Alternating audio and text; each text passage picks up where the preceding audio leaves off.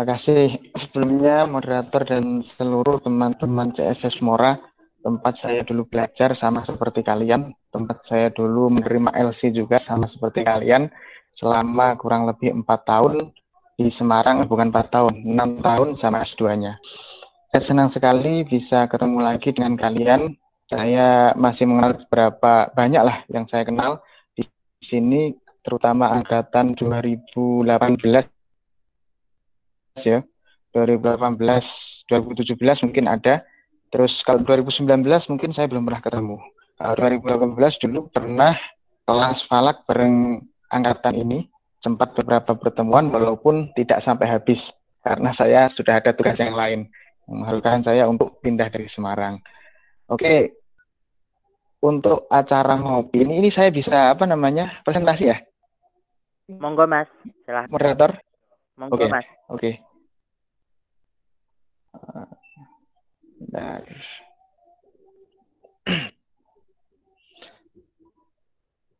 Sudah tampil ya? Cek, sudah tampil? Sudah, sudah Mas. Sudah, Mas. Sudah, Kak. Sudah, Mas. Oke, oke. Ini ngopi ini kemarin saya tanya sama Inayah, kayak kalau nggak salah ini kayaknya program kerjanya PSDM ya dulu waktu saya di P3M waktu sebelum jadi ketua CSS itu pernah juga bikin acara yang namanya ngopi sama namanya. Tapi singkatannya beda. Kalau ini ngopi ngobrol ngobrol pintar ya. Kalau saya dulu ngob ngobrol penuh ilmu seperti itu. Tapi acaranya offline. nggak ada dulu acara online. Ya dulu ada ngopi ngobrol penuh ilmu. Pertama kali dulu dilaksanakan ketika ada momen full moon kalau nggak salah full moon di samping audit di situ. Tapi dulu ada kopinya beneran. Kalau ini ngopi yang nggak ada kopinya. Oke, okay, hari ini saya diberi tugas untuk uh, menjelaskan ya, menjelaskan tentang eksistensi ilmu falak di era digital. eksistensi ilmu falak di era digital. Jadi bagaimana nanti ilmu falak ini di era digital, bagaimana penyesuaiannya dan bagaimana nanti mahasiswa ilmu falak akan menghadapi ilmu, dunia digital ini.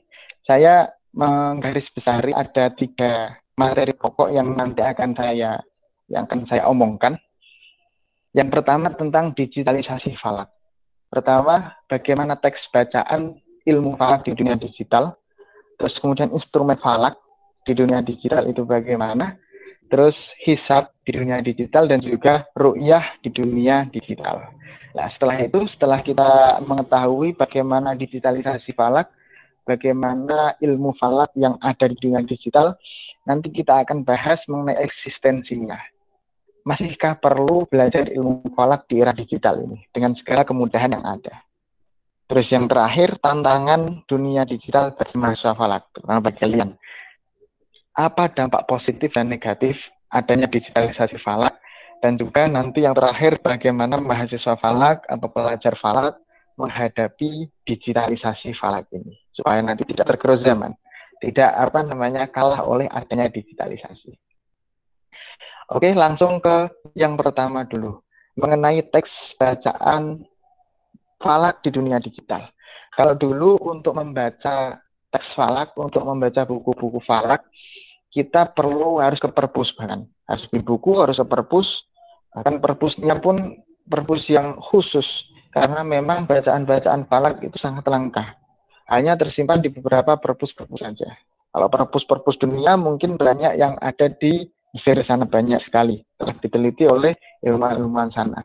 Nah, tapi dengan adanya digitalisasi ini, dunia digital ini, kita sangat mudah sekali untuk mendapatkan buku atau kitab PDF yang bisa di-download secara gratis ada beberapa website ya, website penyedia buku-buku atau kitab PDF yang bisa kalian download secara gratis.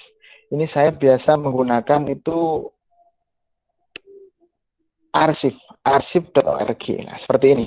Nanti bisa kalian searching arsip langsung masuk ke webnya ini ataupun diketikkan melalui mesin pencari seperti Google atau DuckDuckGo pakainya lah ini pakainya bahasa Arab atau bahasa Inggris karena gini sumber atau bacaan-bacaan falak yang berbahasa Indonesia itu hampir 0, berapa persennya. Hampir banyak sekali yang pakai bahasa Arab dan bahasa Inggris.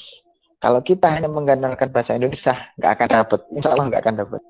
Tapi kalau berbahasa Arab atau berbahasa Inggris, nah itu insya Allah masih banyak, sudah banyak. Nah, bisa contohnya di sini saya apa namanya contohkan kitab ini. Adul Mujiz Lemuthaf Al Istanbul. Ini buku yang sangat unik yang nanti yang apa namanya saya uh, saya anjurkan, saya beri masukan kalian untuk membacanya. Buku ini unik, bisa diketikkan di mushaf pakai bahasa Arab, ditambahi dengan arsip ataupun PDF seperti itu. Pakai bahasa pakai tulisan Latin saja. Nanti akan muncul langsung masuk ke websitenya seperti ini. Nah, buku ini bagus sekali. Ini kalau saya sudah download, saya mendapatkan banyak sekali ya, banyak sekali buku-buku falak, kitab-kitab falak dari arsip ini. Nah, di sini isinya buku ini, kitab ini isinya tentang kemajuan Islam, bagaimana teknologi-teknologi yang diciptakan oleh ulama Islam pada masa kemajuannya. Di sini saya contohkan, saya tampilkan, bagus sekali. Ini memang saya suka sekali buku ini karena di dalamnya kalau kita lihat, sebentar, kalau kita lihat, nah ini kita akan melihat bagaimana instrumen-instrumen falak atau dulu foto-fotonya. Bagus sekali foto-fotonya. Saya suka karena fotonya bagus ini. Nah, ini dari buku ini kita mengetahui kalau kalau apa namanya apa yang kita pelajari ternyata apa yang kita pelajari di kampus ini masih sangat sedikit kalau kita mengenal kalau kita mengenal astrolab, nah astrolab mungkin yang kita kenal hanya satu macam. Tapi kalau kita buka buku ini, banyak sekali macam-macamnya. Dan ini semuanya berbeda. Semuanya berbeda yang masih asing untuk kita pelajari. Ini astrolab. Katanya bagus-bagus, man. Astrolab. Ini rubuk lah. Kalau rubuk yang kita kenal ada rubuk mujayab. Tapi kalau kita buka di sini ada rubuk yang namanya rubuk mudoaf. Terus ada rubuk zakasiyah. Ada lagi apa ini? Alat rubuk ukhra. Ini yang dulu dipakai untuk mengamat-mengamat. Ya, pokoknya bagus lah. Nanti kalian bisa tampilkan sendiri, bisa apa namanya jelajah sendiri di situ. Yang penting searchingnya itu pakai bahasa Arab atau pakai bahasa Inggris. Nah, itu di arsip atau di Wakfea. Wakfea ini juga mungkin terhubung dengan arsip. Biasanya terhubung dengan arsip. Di situ sama isi-isinya adalah kitab-kitab atau buku PDF yang dari orang-orang luar. Kebanyakan seperti itu. Atau kalau mungkin kalian mau yang buku-buku atau kitab yang akrab dengan ilmu falak di Indonesia. Itu ada di website SciFlash. SciFlash ini ada di sana saya dapatkan kitab Matla Usaid. Banyak sekali pokoknya. Matla Usaid Nurul Anwar. Nah kitab-kitab yang umum dipelajari di Indonesia. Umum dipelajari di Indonesia. Ini safeflash.com atau LFNO Sumber. Ini sih sama. Sama dengan Safeflash ini. Ada banyak sekali kitab di sana. Bisa kalian download nanti nah selain dalam di buku atau melalui kitab buku PDF bisa juga bacaan falak di dunia digital ini kalian dapatkan melalui website. Tinggal diketik saja sesuai dengan topik yang dicari dan nanti kemudian dipilih dari website profesional. Website profesional atau dari blog pribadi tokoh falak atau astronom. Semisal Thomas Jamaluddin, blognya Pak Thomas, tjamaluddin.wordpress.com. Nah, di sana ada banyak sekali bacaan-bacaan falak yang tentunya berkualitas. Tidak seperti blog-blog yang apa ya, blog-blog yang abal-abal mungkin blog yang tidak jelas pemiliknya siapa. Tapi kalau yang blognya Pak Thomas, ini tulisannya berkualitas dan nanti bisa kalian buat rujukan untuk kuliah. Oke, itu untuk kitab, buku PDF, dan artikel-artikel ilmiah. Atau bisa juga kalian cari di hmm, Wikipedia. Nah, Wikipedia itu nanti bukan Wikipedia yang dijadikan untuk rujukan, tapi di Wikipedia itu nanti digeser ke bawah, ada di sana referensi. Nah, nanti kalian cari dari referensi itu. Cari di apa namanya buku aslinya, buku PDF-nya. Itu untuk bacaan di dunia digital, bacaan falak dunia digital. Terus selanjutnya ada lagi tentang nah ini jurnal ilmiah digital. Kalau jurnal ilmiah ini bagus dan apa namanya saya anjurkan kalian bacanya itu ya baca jurnal dari sekarang. Karena dengan baca jurnal itu nanti akan dapat banyak sekali inspirasi-inspirasi judul untuk skripsi. Nah, kebetulan kalian kan skripsi itu nanti pada akhirnya. Nah, di sana bacaan-bacaannya berkualitas, memuat hasil dari suatu penelitian atau riset. Nah, terjamin keilmihannya karena telah disusun secara profesional. Selain itu, dalam jurnal, setiap artikel jurnal itu pasti dikoreksi oleh tim jurnal. Ada timnya sendiri untuk pengoreksi. Nah, yang saya dapati ada empat jurnal yang khusus membahas mengenai falak. Ini bisa kalian searching langsung dan jurnal ini kalau dulu jurnal itu bentuknya ya semacam buku diterbitkan hanya bentuk buku saja. Tapi sekarang semua jurnal itu sudah punya sistem online. Sistem online. Jadi enak sekali. Kalian tinggal nyari di situ dan itu gratis semuanya. Bacaan bacaan apa namanya berkualitas dan gratis. Plus nanti dapat banyak sekali judul inspirasi untuk judul skripsi. Nah, ada empat ini yang saya temui yang khusus membahas tentang falak. Pertama jurnal El Falaki. Ini kalau nggak salah dari Uwin Alauddin kalau nggak salah. Terus kemudian Al-Marsad. Nah, Al-Marsad ini sangat terkenal dari UMSU. Ada tokoh terkenal di sana Pak Arwin Juli Rahmat diputar-putar. Terus kemudian Al-Afak. Nah, Al-Afak ini dari Uin Mataram. Yang lola kalau Al-Afak ya apa namanya senior-senior kita sendiri. Di sana ada Mas Kohar, Mas Sofyan 2011 itu ada di sana. Terus ada lagi yang terakhir Al Hilal. Nah, Al Hilal ini milik kita sendiri, milik Uin Wali Songo sendiri. Yang baru kemarin terbit, baru kemarin apa namanya merilis jurnal yang pertama. Nah, untuk selain jurnal, bacaan penelitian ilmiah juga kalian bisa dapatkan, terutama di Eprinsinya Wali Songo. Di sana banyak sekali skripsi-skripsi falak. Nah, mulai sekarang untuk lebih gampangnya nanti ketika menyiapkan skripsi, mulai sekarang cicil-cicil dulu baca-baca skripsi falak. Nah, dengan baca, nanti kalian akan dapat inspirasi untuk mengerjakan, terutama untuk penelitian-penelitian ilmiah untuk tugas akhir kalian. Nah, ketika searching, mencari di Google, itu bagusnya kalau langsung dari Google-nya, itu nanti yang muncul banyak banget nih. Banyak sekali yang akan muncul. Tapi kalau kalian masuk dulu ke Google Cendekia, nanti di situ sudah terpilih semuanya. Di Google Cendekia yang muncul nanti hanya yang ilmiah-ilmiah saja. Yang seperti blog, bacaan blog, ataupun yang lainnya itu tidak muncul, terseleksi sendiri. Itu di Google Cendekia. Nanti kalian bisa apa namanya eksplorasi sendiri. Di sana banyak sekali bacaan-bacaan untuk memudahkan kalian dalam belajar falak. Terus selanjutnya nah ini yang paling unik tentang instrumen falak di dunia digital. Nah, kalau dulu kita belajar instrumen pakai apa ya astrolab, terus pakai rubuk mujayab yang itu fisik. Tapi kalau sekarang banyak sekali instrumen-instrumen digitalkan. Nah, yang umum kita apa namanya kita gunakan ada astrolab, kemudian rubuk mujayab, terus untuk penunjuk arah kiblat itu ada mizwana dan lain-lain. Ini bisa diakses secara digital, baik itu versi website maupun versi Android. Saya contohkan di sini versi website ada di Astrolab Project. Nah, kalian bisa buka di Astrolab Project ini. Saya tampilkan nanti kalau kalian buka di Astrolab Project akan muncul Nah, nah loading. Akan seperti ini lah. Ini tampilannya loading. Di sini memuat tiga instrumen atau mungkin lebih dari tiga kalau kalau kalian apa namanya bisa eksplorasi lebih lanjut.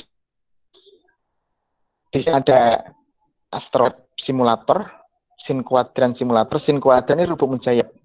Ada juga Volvel, dikembangkan oleh Mas Iksan. Mas Iksan Hidayat tak, angkatan 2013 yang mengembangkan Volvel. Asal-asalnya ya dari apa namanya instrumen-instrumen lama. Kalau dibuka seumpamanya yang Astrolab Simulator. Ini saya sudah saya buka tapi sayangnya agak loading. Astrolab simulator lah di sini bisa digerakkan. Enaknya kalau ada simulatornya itu bisa digerakkan. Jadi belajar belajar astrolab bisa cukup menggunakan ini. Ini bisa digerakkan, nanti mengikuti. Ya, mengikuti. Nah, kalau ini diklik, nanti akan dikunci, ikut bergerak. Nah, kalau dilepas kunci, yang ini bergerak saja, yang ini tidak. Ya, nanti kalian bisa belajar astrolab pakai ini. Terus ada kalau dibalik, nah, sama tampilannya. Seperti astrolab astrolab yang fisik. Nah, ini bisa digunakan untuk bahan belajar. Itu kalau astrolab. Terus kemudian ada lagi sin kuadran. Nah, sin kuadran ini adalah rubuk mujayab. Nah, kalau rubuk mujayab kan sudah akrab kalian. Tapi itu yang bentuk fisik. Ini ada yang bentuk digital. Bentuk digital bisa kalian akses di Astrolab Project bagian sin kuadran tadi. Bagian apa namanya sin kuadran simulator. Tapi sayangnya yang tan ini buatan sin kuadran ini kebalik gitu. Karena memang yang buat yang buat bukan orang timur ya, bukan orang Arab, tapi orang-orang barat sana, maka dibalik sama mereka. Seperti ini. Kalau ini tampilannya kita, bentuknya kan yang apa ya, kebalik ini. Yang ininya berada di sebelah sini. Biasa seperti itu. Tapi kalau mereka dibalik, enaknya mungkin seperti itu kalau mereka. Nah ini ada sin atau kos. Ini kalau dalam bahasa kitab, ini nyarinya nyari jeb sama nyari nyari jeb Jeb apa namanya Jeb City ini sama Jeb Tamam. Nah, ini D sin atau kosin. Itu kalau bahasa matematikanya sin atau kosinus. Tapi kalau bahasa kitabnya, kalian ingat kalau pelajaran rubung jaya pasti ada Belhead asid ini wa bimuri ala apa itu dan seterusnya itu. Itu kalau bahasa Arab. Tapi kalau bahasa ini ya pakai ini sin atau kos ini menunjukkan nanti garis-garis ini otomatis langsung menunjukkan apa jeb tamam ataupun jeb situ ini. Nah, kalau yang obliquity, obliquity ini garisnya di sebelah sini ya, di sebelah sini nih. Garisnya di sebelah sini, ini kalau dalam bahasa rubuknya, bahasa rubuk yang akrab dengan kita, namanya uh, mile kuli. Namanya mile kuli. Ini untuk menghitung deklinasi. Seperti ini. Untuk menghitung deklinasi. Nah, ini kalau kalau pakai rubuk kan, kalau pakai rubuk fisik harus apa ya, mendelengi ya Menggelingi itu bahasa Indonesia apa? Harus mencermati dengan cermat. Oh, apa yang malam bulat. nah, pokoknya ini. Terus kemudian ada lagi beat position. Kalau beat position ini adalah muri. Nah, muri bisa digerakkan. Murinya. Ini kalau murinya di bahasa rubuknya. Seperti itu. Nah, nanti murinya akan mengikuti. Langsung otomatis. Tapi saya ini kebalik.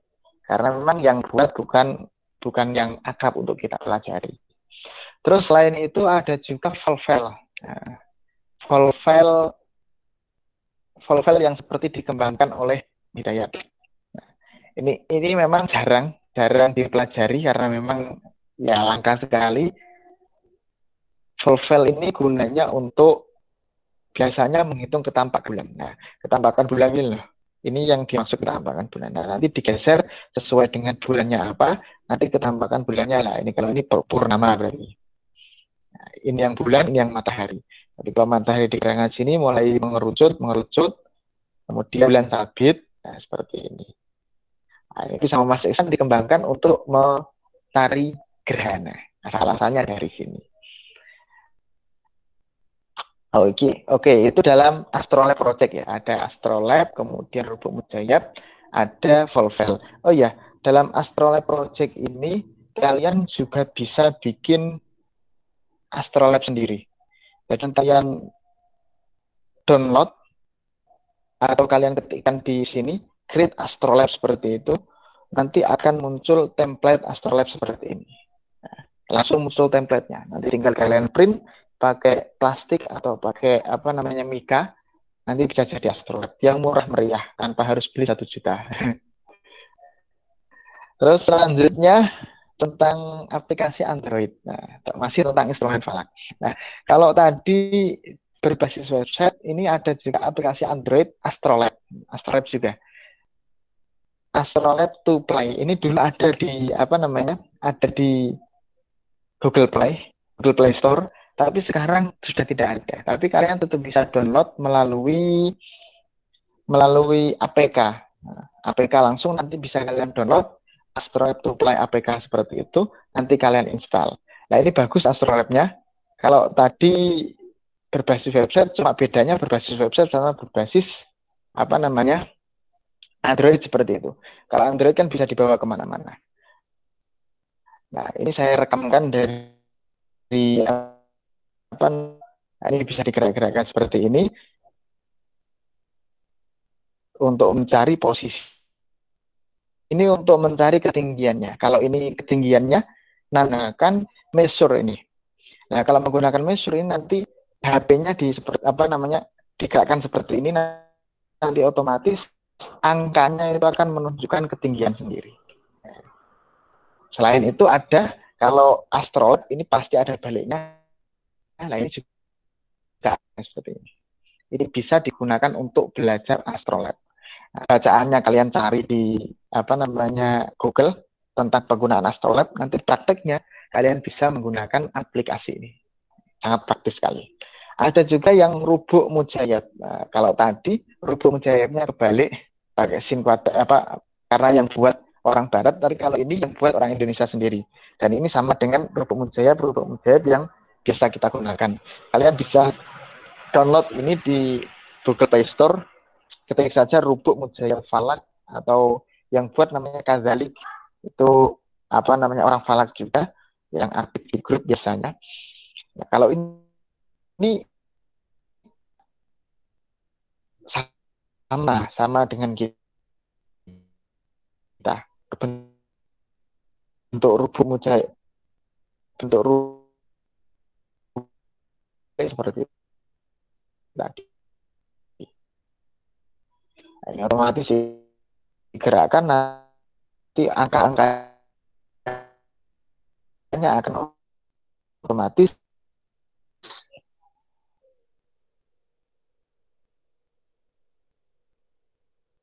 di apa namanya langsung muncul. Bisa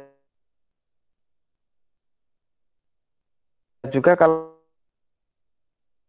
kalau muri muri ini masukkan nilai murinya. Kalau pakai digital kelebihannya, ya, tapi kalau menggunakan yang manual itu kan seperti itu. Karena memang ya seperti nanti pasti butuh ketelitian untuk seksama seperti itu. Rubuk Mujayab ada juga yang praktek pakai Mizuala, tapi kemudian Pak Hendro memunculkan yang namanya Mizuan Droid. Nah, ini bisa kalian download juga di Play Store. Nanti kalian hadapkan seperti ini, akan muncul gambar kabahnya langsung. Nah, gambar Ka'bahnya di mana tinggal dicari saja. Ada juga Islamic Astro. Nah, Islamic Astro ini buatan kakak kelas kita sendiri yang namanya Mas Muhammad Faisal Amin. Nah, Mas Muhammad Faisal Amin ini cucunya ahli falak. Beliau sendiri juga ahli falak. Jadi Mas Faisal Amin ini salah satu cucunya tokoh falak Indonesia. Pengarang kitab Ittifaqul Datil Bain. Cucunya alumni DSS Murah. Keren kan Murah. Terus selanjutnya selain instrumen Kemudian nah, hisap di era digital. Nah, digital dunia digital ini memberikan kemajuan yang sangat besar terhadap proses komputasi, proses perhitungan dalam astronomi atau ilmu falak. Nah, proses perhitungannya itu menjadi semakin cepat dan ringan. Bayangkan kalau dulu orang-orang zaman dulu, orang-orang pada masa kejayaan itu memang luar biasa ngitung dengan sangat banyak ya. Perhitungan falak kan rumus-rumusnya, langkah-langkah perhitungannya kan banyak. Nah, itu ngitung secara manual tanpa menggunakan program. Nah, itu bayangkan bagaimana lamanya pekerjaan untuk itu. Nah, karena dengan adanya dunia digital ini, proses pengerjaan itu bisa dipangkas. Bahkan hanya tinggal sekali klik, itu langsung muncul hasil-hasilnya. Nah, karena apa namanya, proses perhitungannya menjadi semakin cepat, maka kemudian ketelitiannya pun semakin dikoreksi terus-menerus. Ketelitian dan akurasinya menjadi semakin sangat tinggi. Jadi mulai tahun 1950-an itu mulai muncul data-data matahari dan bulan atau kita kenal dengan data ephemeris dengan akurasi yang sangat tinggi. Kalau dulu mungkin akurasinya ya akurasinya ya bagus sudah bagus cuma tidak seperti sekarang ini. Kalau sekarang ketelitiannya kemelentengannya itu hampir hampir pas lah dengan apa yang ada kejadian di langit. Itu kemajuan hisab di era digital ini sangat membantu sekali. Nah, hisab di era digital bisa dilakukan dengan berbagai macam ya, berbagai macam alat yang paling yang mungkin dipelajari di kuliah atau yang paling akrab ya program Excel. Program Excel ini kalau saya memandang sebagai kalkulator. Jadi Excel ini ya sama seperti kalkulator, cuma bahasanya agak berbeda seperti itu saja. Bahasanya berbeda sedikit seperti itu. Tapi kalkulator yang mampu menyimpan data dengan jumlah yang sangat besar. Jadi gampang apa namanya? Data yang jumlahnya besar bahkan apa namanya seperti data ephemeris subroyat bisa dimasukkan di situ kemudian langsung prosesnya tinggal sekali klik saja itu kemudahan Excel. Nah, kemudahan Excel ini juga bisa atau biasanya ya kemudahannya karena memang Excel ini sudah terinstall di hampir semua komputer. Makanya sangat sangat akrab. Terus bisa juga dari Visual Basic. Visual Basic atau aplikasi lain, aplikasi lain untuk membuat sebuah program. Yang itu mempunyai eksistensi Excel. Eksistensi Excel. Contohnya kalau program Falak tadi contohnya ya bisa dibuat sendiri ya gampang sekali. Apa namanya untuk program-program Falak ini kalau dulu saya pernah membuat selama kuliah ini jadi selama kuliah ini banyak sekali. Hampir semua hampir kitab-kitabnya Ghazali, kemudian kitab-kitab Takribi itu saya masukkan ke sini, saya masukkan ke Excel. Karena untuk apa namanya? Untuk apa proses cepatnya menghitung saja. Jadi kalau awal bulan bisa langsung menghitung dengan eh, dengan cepat seperti itu. Gerhana Adru Anik yang sangat panjang prosesnya nah, bisa dengan sekali klik saja. Tapi itu untuk Excel. Nah, kalau untuk Visual Basic ini memang perlu apa perlu perlu belajar bahasa seperti ini tampilannya kalau Visual Basic. Kalau Visual Basic ini saya contohkan aplikasi yang namanya Accurate Times. Ini aplikasi yang saya anjurkan untuk kalian gunakan. Aplikasi ini bagus sangat bagus sekali. Kalau Pak Rinto mengomentari di dalam aplikasi ini sudah menggunakan teori VSOP 87 PSOP 87 ini adalah data ephemeris yang saat ini paling akurat. Koreksinya untuk menghitung untuk apa yang menghasilkan data ephemeris itu kalau di VSOP 87 sama ELP 2000 itu sudah mencapai 2525 koreksi. Ini sangat panjang sekali.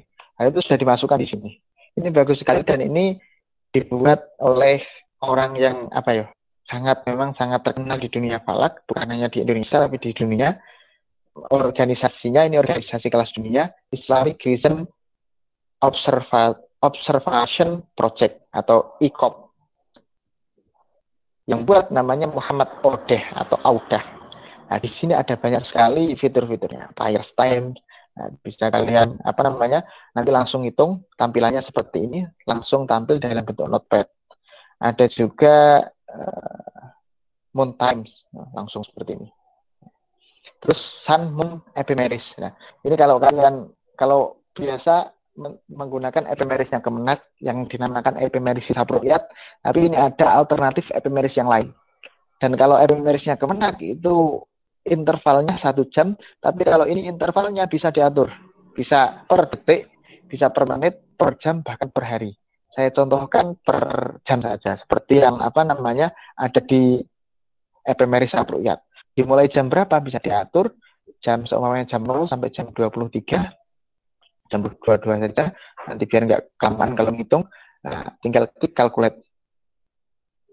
Nah, nanti akan muncul data-data ephemeris. nah, jadi ephemeris apa namanya referensinya bukan hanya dari Kemenak tapi dari bisa juga dari ini aplikasi yang namanya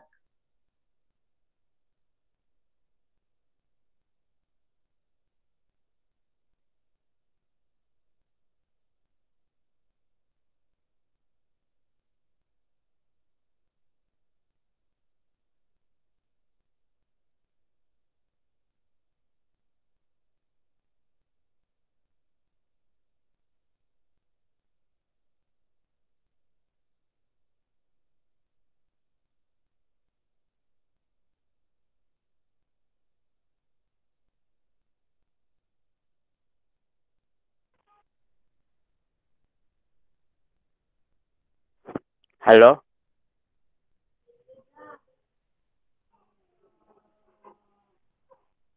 Halo Mas Ivan.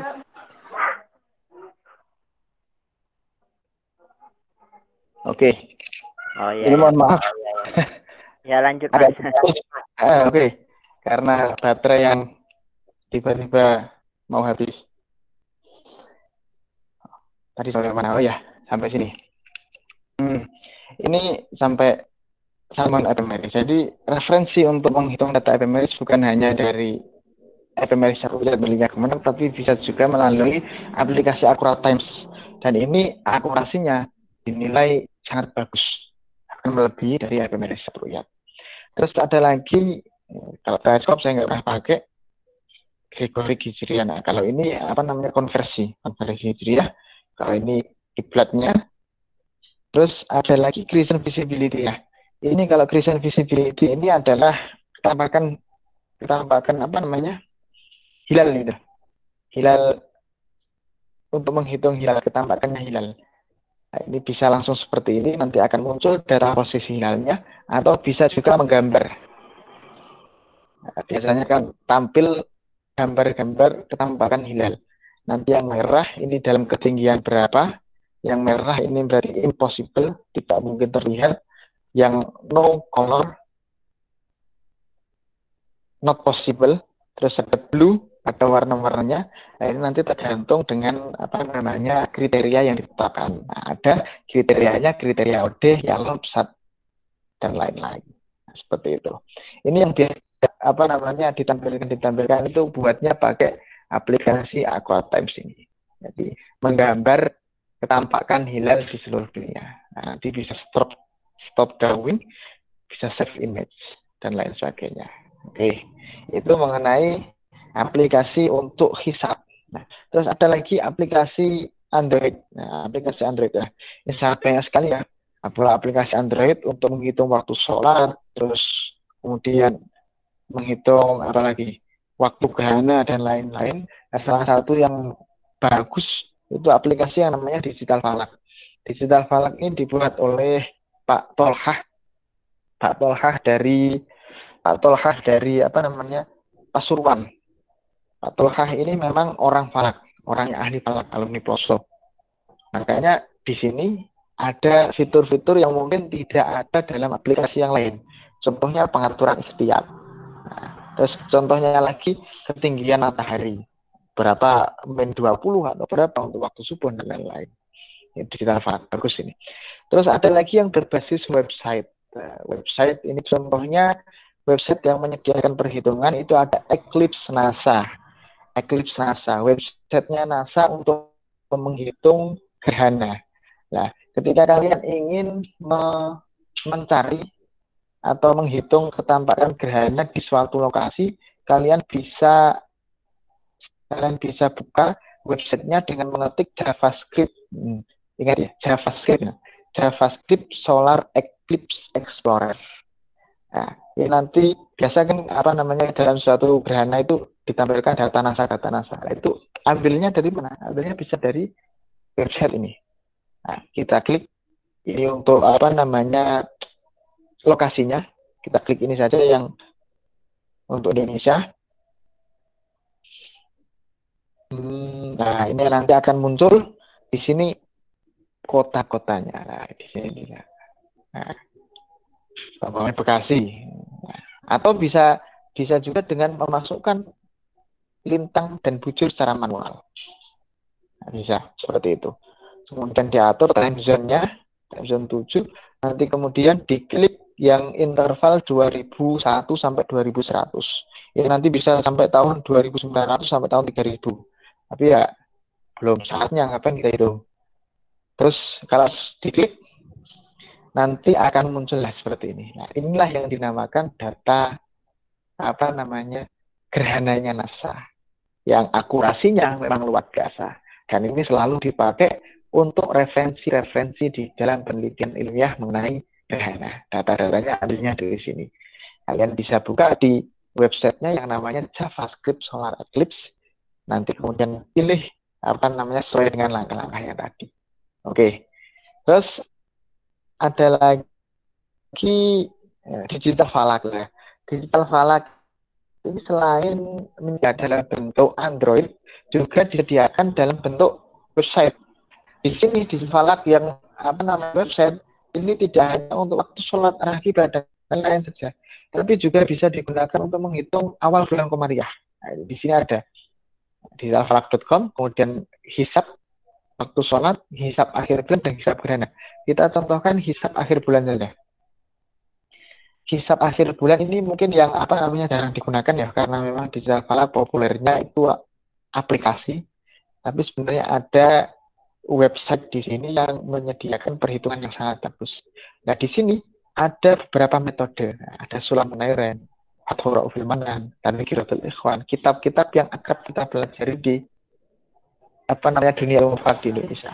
Ada Faidul Karim Ar-Rauf, karangannya Ghazali, Badiatul Misal, karangannya apa namanya sama Asufin Ali, Muntaha Nataijul Akwal, karangannya Syekh Hasan Asy'ari, Nur Anwar, Mbah siapa? Jepara, Irsyadul Murid, Aturan Malis. Banyak sekali di sini sistem-sistemnya. Dan nanti bisa kalian hitung di sini. Nanti tinggal di sini, nanti otomatis langsung kehitung. Nah, itu trennya digital falak. Karena memang yang buat di ahli falak. Pak Tolhah. Terus selanjutnya tentang ru'yah, nah, ru'yah di era digital. Ini kalau dulu ru'yah ya harus datang ke lokasi, tapi kalau sekarang seperti BMKG itu menyediakan live streaming. Live streaming ru'yatul hilal di beberapa lokasi. Kalian bisa cek di websitenya BMKG nanti ketika akhir bulan, biasanya terutama ketika Ramadan ataupun Syawal ataupun Dzulhijjah, nanti biasanya menyediakan streaming ini. Ada juga yang assalam Asalam itu juga pernah menyediakan tapi tidak seistiqomah BMKG karena BMKG yang punya apa ya yang punya tugas untuk itu. Terus live streaming juga observasi gerhana. Nah, ini banyak sekali.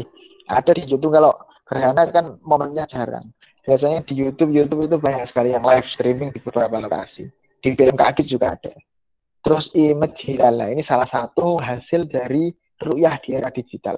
Kalau dulu sangat apa namanya susah sekali untuk membuktikan memverifikasi terlihatnya hilal tapi dengan bantuan digital ini hilal bisa tertangkap tertangkap kamera seperti ini contohnya dari Auf Umsu hilal bisa tertangkap terus ada lagi image benda-benda langit lainnya yang paling apa ya yang paling terbaru yang hasil jerih payah umat manusia itu ada gambarnya black hole dari luar biasa black hole itu dulu hanya sebatas angan-angannya angan-angan Einstein saja. Tapi ternyata ada dan itu bisa digambarkan, bisa dipotret. Itu salah satu apa ya? Salah satu kemajuan umat manusia yang memang luar biasa tentang eksplorasi alam semesta. Oke, itu itu tentang ru'yah di era digital. Nah, selanjutnya ketika melihat banyak sekali fitur-fitur itu, fitur-fitur seperti itu. Hanya dengan membuka aplikasi saja, kita sudah bisa untuk mengetahui arah kiblat, waktu sholat, ketinggian hilal, waktu gerhana, sudah bisa diketahui. Lantas kemudian muncul pertanyaan, masih perlukah belajar falak di era digital ini? Ya, masih perlu apa tidak? Nah, dari ketika kita melihat seperti apa namanya digitalisasi falak dalam teks, kemudian apa namanya instrumen falak, terus hisap. Nah, ini saya menyimpulkan bahwa digitalisasi falak ini menghasilkan tools. Jadi apa namanya tools alatnya untuk mempermudah belajar. Jadi dalam rangka untuk mempermudah belajar bukan menghilangkan ilmu itu. Hasil digitalisasi falak itu menghasilkan suatu alat, menghasilkan suatu tools yang itu untuk mempermudah belajar. Nah, tanpa adanya dasar keiman falak, hasil digitalisasi tidak akan bisa digunakan dengan maksimal. Contohnya saja yang paling mungkin sangat menggantikan apa ya, ilmu falak. Sangat bahkan berpotensi menghilangkannya. Aplikasi tentang perhitungan waktu sholat. Hanya dengan mengklik aplikasi, hanya dengan melihat aplikasi, waktu sholat sudah ada. Tapi ketika apa namanya yang mengoperasikan itu bukan ahli falak, maka ya tidak akan bisa mengatur dengan baik.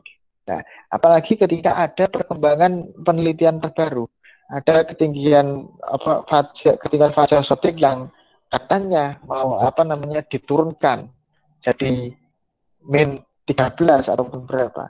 Nah, aplikasi kalau yang menggunakan orang awam yang tidak akan tahu, yang tidak punya dasar keilmuan falak. Begitu juga dengan anak kiblat. Anak kiblat ketika apa namanya kebanyakan aplikasi menggunakan kompas. Nah, ketika ditaruh di sini, kemudian akan menunjuk kiblat. Nah, ketika orang awam mungkin yang tidak tahu bahwa kompas ini menyimpan deklinasi magnetik, yaitu bisa dikoreksi. Terus apalagi? Ya banyak lah ketinggian hilal apalagi ya. Kalau ketinggian hilal ini kan hanya bisa menghitung posisi hilalnya saja. Tapi untuk menentukan awal bulan itu kan rumit sekali. Nah, apalagi ter, ada perbedaan-perbedaan tentang kriterianya. Nah, itu kalau bukan kalau tidak ada dasar keilmuan falak maka ya tidak bisa digunakan. Maka saya simpulkan bahwa digitalisasi falak ini hanya menghasilkan toolsnya saja untuk mempermudah belajar, bukan menghasilkan ilmu falak. Nanti kita bahas kalau kalian seumpamanya punya pendapat yang lain, kalian tidak setuju dengan pendapat saya, nanti silahkan kita diskusi. Oke. Okay? Terus selanjutnya mengenai nah tantangan ini yang paling pas untuk kalian ya mungkin. Tantangan bagi pelajar atau mahasiswa ilmu falak. Tantangan dari dunia digital. Pertama tentang dampak adanya dunia digital, dampak digitalisasi falak ada dampak positif dan negatif. Dampak positif, dampak positifnya ya akses belajar menjadi semakin mudah, efisien, ya. mudah di mana-mana, di mana-mana saja bisa belajar. Bahkan sambil tiduran pun bisa belajar dengan pakai HP saja. Terus kemudian waktu pengerjaan semakin cepat. Nah, ya. terutama tentang hisap. Nah, hisap yang dulu membutuhkan proses yang sangat lama sekali, sekarang tinggal satu klik saja sudah sangat cepat. Terus ada lagi biaya yang hemat. Nah, tentu saja biayanya hemat. Kalau soal instrumen falak, ya, kalian beli mungkin harganya juta. Yang paling murah rupa mujayab lah, 35 ribu atau 50 ribu. Tapi kalau dengan menggunakan aplikasi ya tinggal download saja dan itu gratis. Kalian sudah bisa belajar sama dengan hampir sama dengan fisik. Nah, meskipun ya memang ada ada yang rasanya berbeda ya, yang namanya fisik dengan digital. Terus selain dampak positif ada juga dampak negatif. Tentu ketika akses semakin gampang, rasa malas muncul. Karena mengharap karena mengharap semua serba instan. Nah, terutama lagi ketergantungan terhadap energi, khususnya listrik seperti ini. Kalau seumpamanya menggunakan acara ya, acara seminar, kemudian uh, materinya hanya mengandalkan PowerPoint, kemudian listriknya mati, blank. Oh kebetulan materinya tidak menguasai materi hanya menggunakan PowerPoint. Atau blank. Itu namanya ketergantungan. Nah, kalau orang dulu karena memang belajarnya ya susah. Orang dulu bahkan sampai hafal. Nah, rumus-rumus sampai dihafal semuanya. Hafal di luar kepala. Nah, itulah yang perlu kita kejar juga. Kita semestinya harus hafal seperti orang dulu belajarnya seperti orang dulu tapi apa namanya aksesnya fasilitasnya menggunakan kayak orang sekarang. Belajarnya keras seperti orang dulu, tapi kemudahan aksesnya yang kita gunakan untuk belajar di masa sekarang. Nah, terus kemudian dampak negatif lagi yang terakhir ya ini anggapan adanya anggapan bahwa tenaga ahli tergantikan oleh hasil digitalisasi dan yang parah ini mengancam eksistensi kalian loh.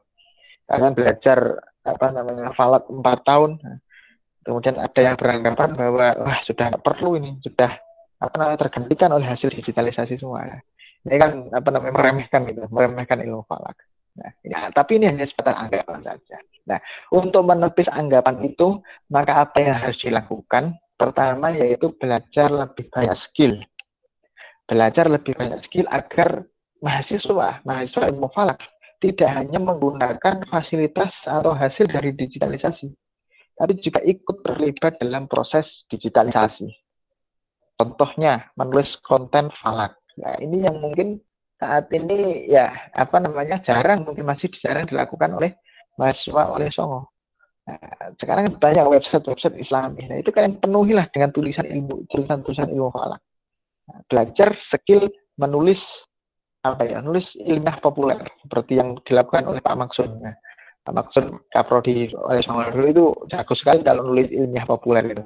Kalau OMB biasanya Pak Maksud yang materinya ilmiah populer. Ilmiah yang dengan bahasa populer. Itu kan lebih enak untuk dibaca. Seperti itu. Menulis konten. Ataupun membuat konten YouTube seumpamanya. Nah, ini di YouTube ini kan hampir belum ada ya, belum ada tentang konten falak. Bagaimana cara mengoperasikan seumpamanya Stellarium, aplikasi-aplikasi apa.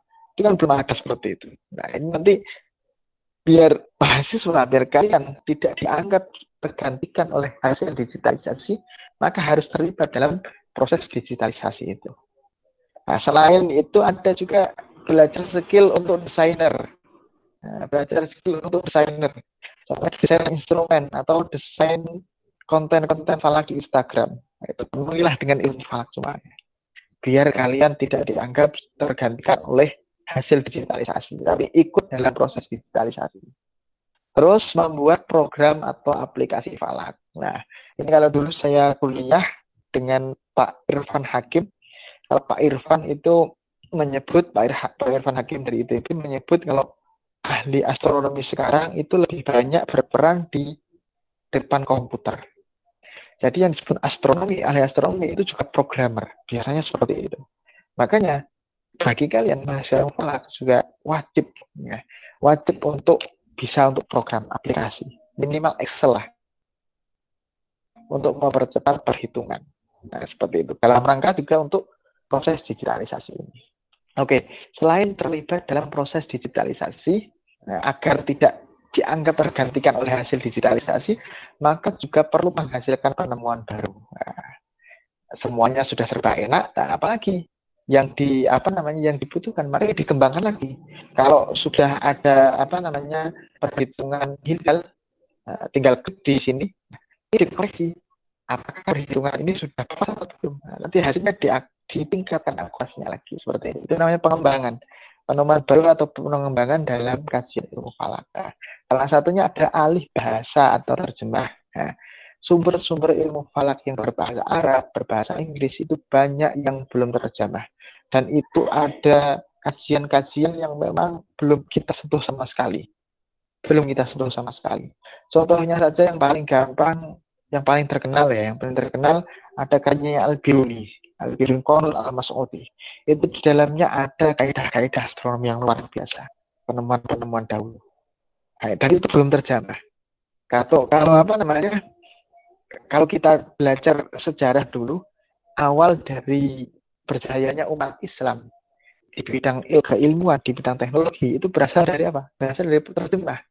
Orang Islam menerjemahkan dalam ilmu falak yang dulunya menerjemahkan dari kitab yang namanya Al-Majaz. Tabil Majesty miliknya Ptolemeus.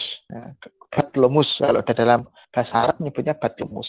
Selain itu juga men, apa namanya menerjemahkan kitab dari India miliknya apa namanya Brahma Gupta. Kitabnya namanya Brahma Brahma Brahma Sputasi Denta. Yang diterjemahkan menjadi Sinhin ya, oleh Al-Fazari. Itu awalnya seperti itu.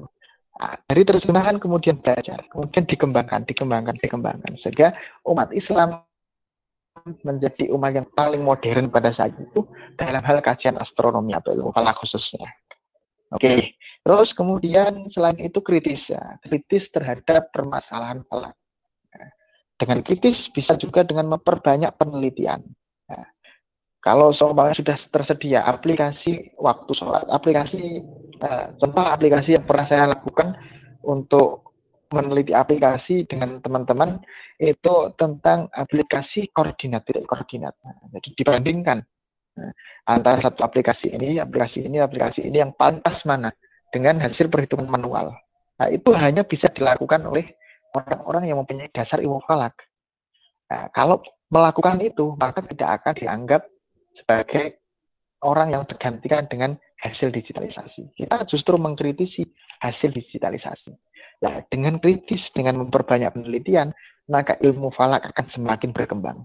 Tidak hanya menggunakan apa hasil dari digitalisasi, tapi semakin mengembangkan kajian falak, semakin banyak penemuan-penemuan baru, dan lebih istimewa lagi kalau penemuan itu ditemukan oleh anak-anak dari CSS Murallah Oke, untuk hari ini materi ini sekian hari ini. Terima kasih. Mari kita lanjutkan dengan diskusi jika ada pertanyaan. Saya kembalikan lagi kepada Mas Moderator, Riki.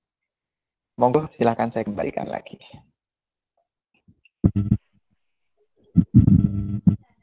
Uh, mohon maaf, saya menggantikan Ricky. Jadi tadi Oh, ada iya. apa tadi Mas Mas Ivan ya. Ki, apa Nela ya? Nuri. Eh, ya Nelly.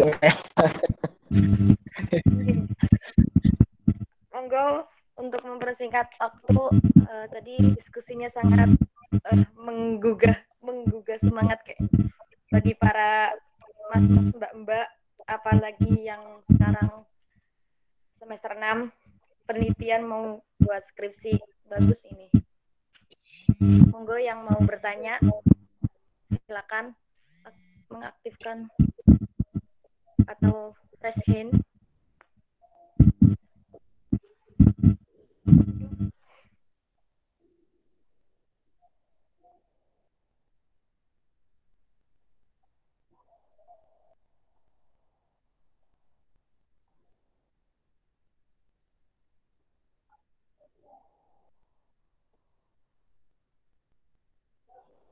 Oke, silakan. Ada pertanyaan?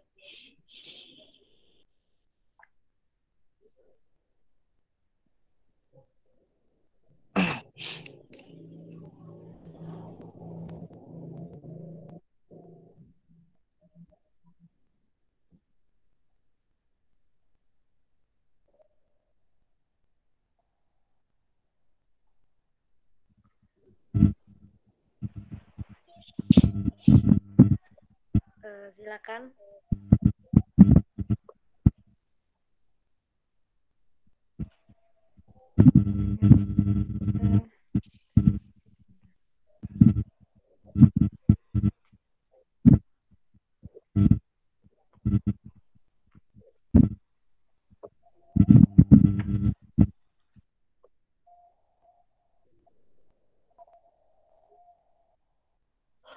Oh, ini ada pertanyaan nih di chat.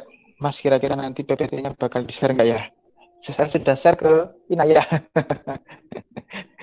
Saya sudah share ke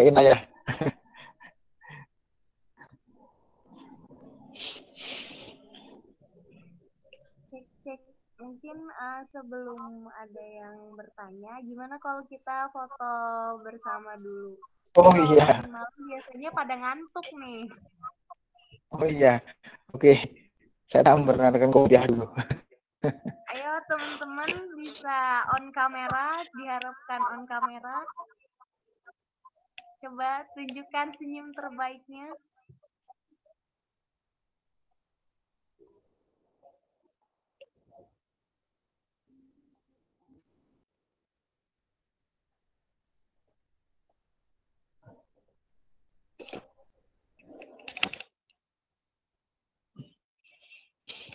Ayo silakan teman-teman masih kita tunggu buat on kamera sebelum kita foto bareng nih sama-sama Mas Ivan juga malam ini.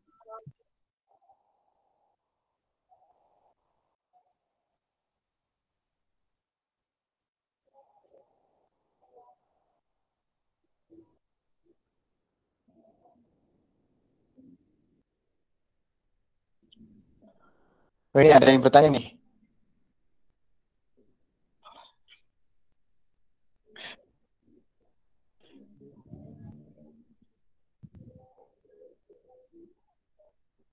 Moderatornya? Halo? Oh, nggih. Eh, ini fotonya udah belum? Kayaknya belum. Ayo satu Foto dulu, guys. foto-foto. Satu, dua, tiga. Nah, monggo Mas eh, kalau mau dijawab pertanyaannya. Ya, Oke, ini ada, Mas. ada Eh, eh, silakan. Ada yang bertanya dari Indah Alami. Izin bertanya, Mas, apa dalam hitung-hitungan ilmu falak harus menggunakan kalkulator saintifik? Apa kalkulator biasa tidak bisa? Kalau misal pakai aplikasi kalkulator yang di Play Store, apa apa sama fungsinya? Itu yang per- pertanyaan pertama. Atau langsung jawab, Mas, atau langsung pertanyaan kedua? Oh, menanggapi ini, maaf. Ini ada yang menanggapi juga.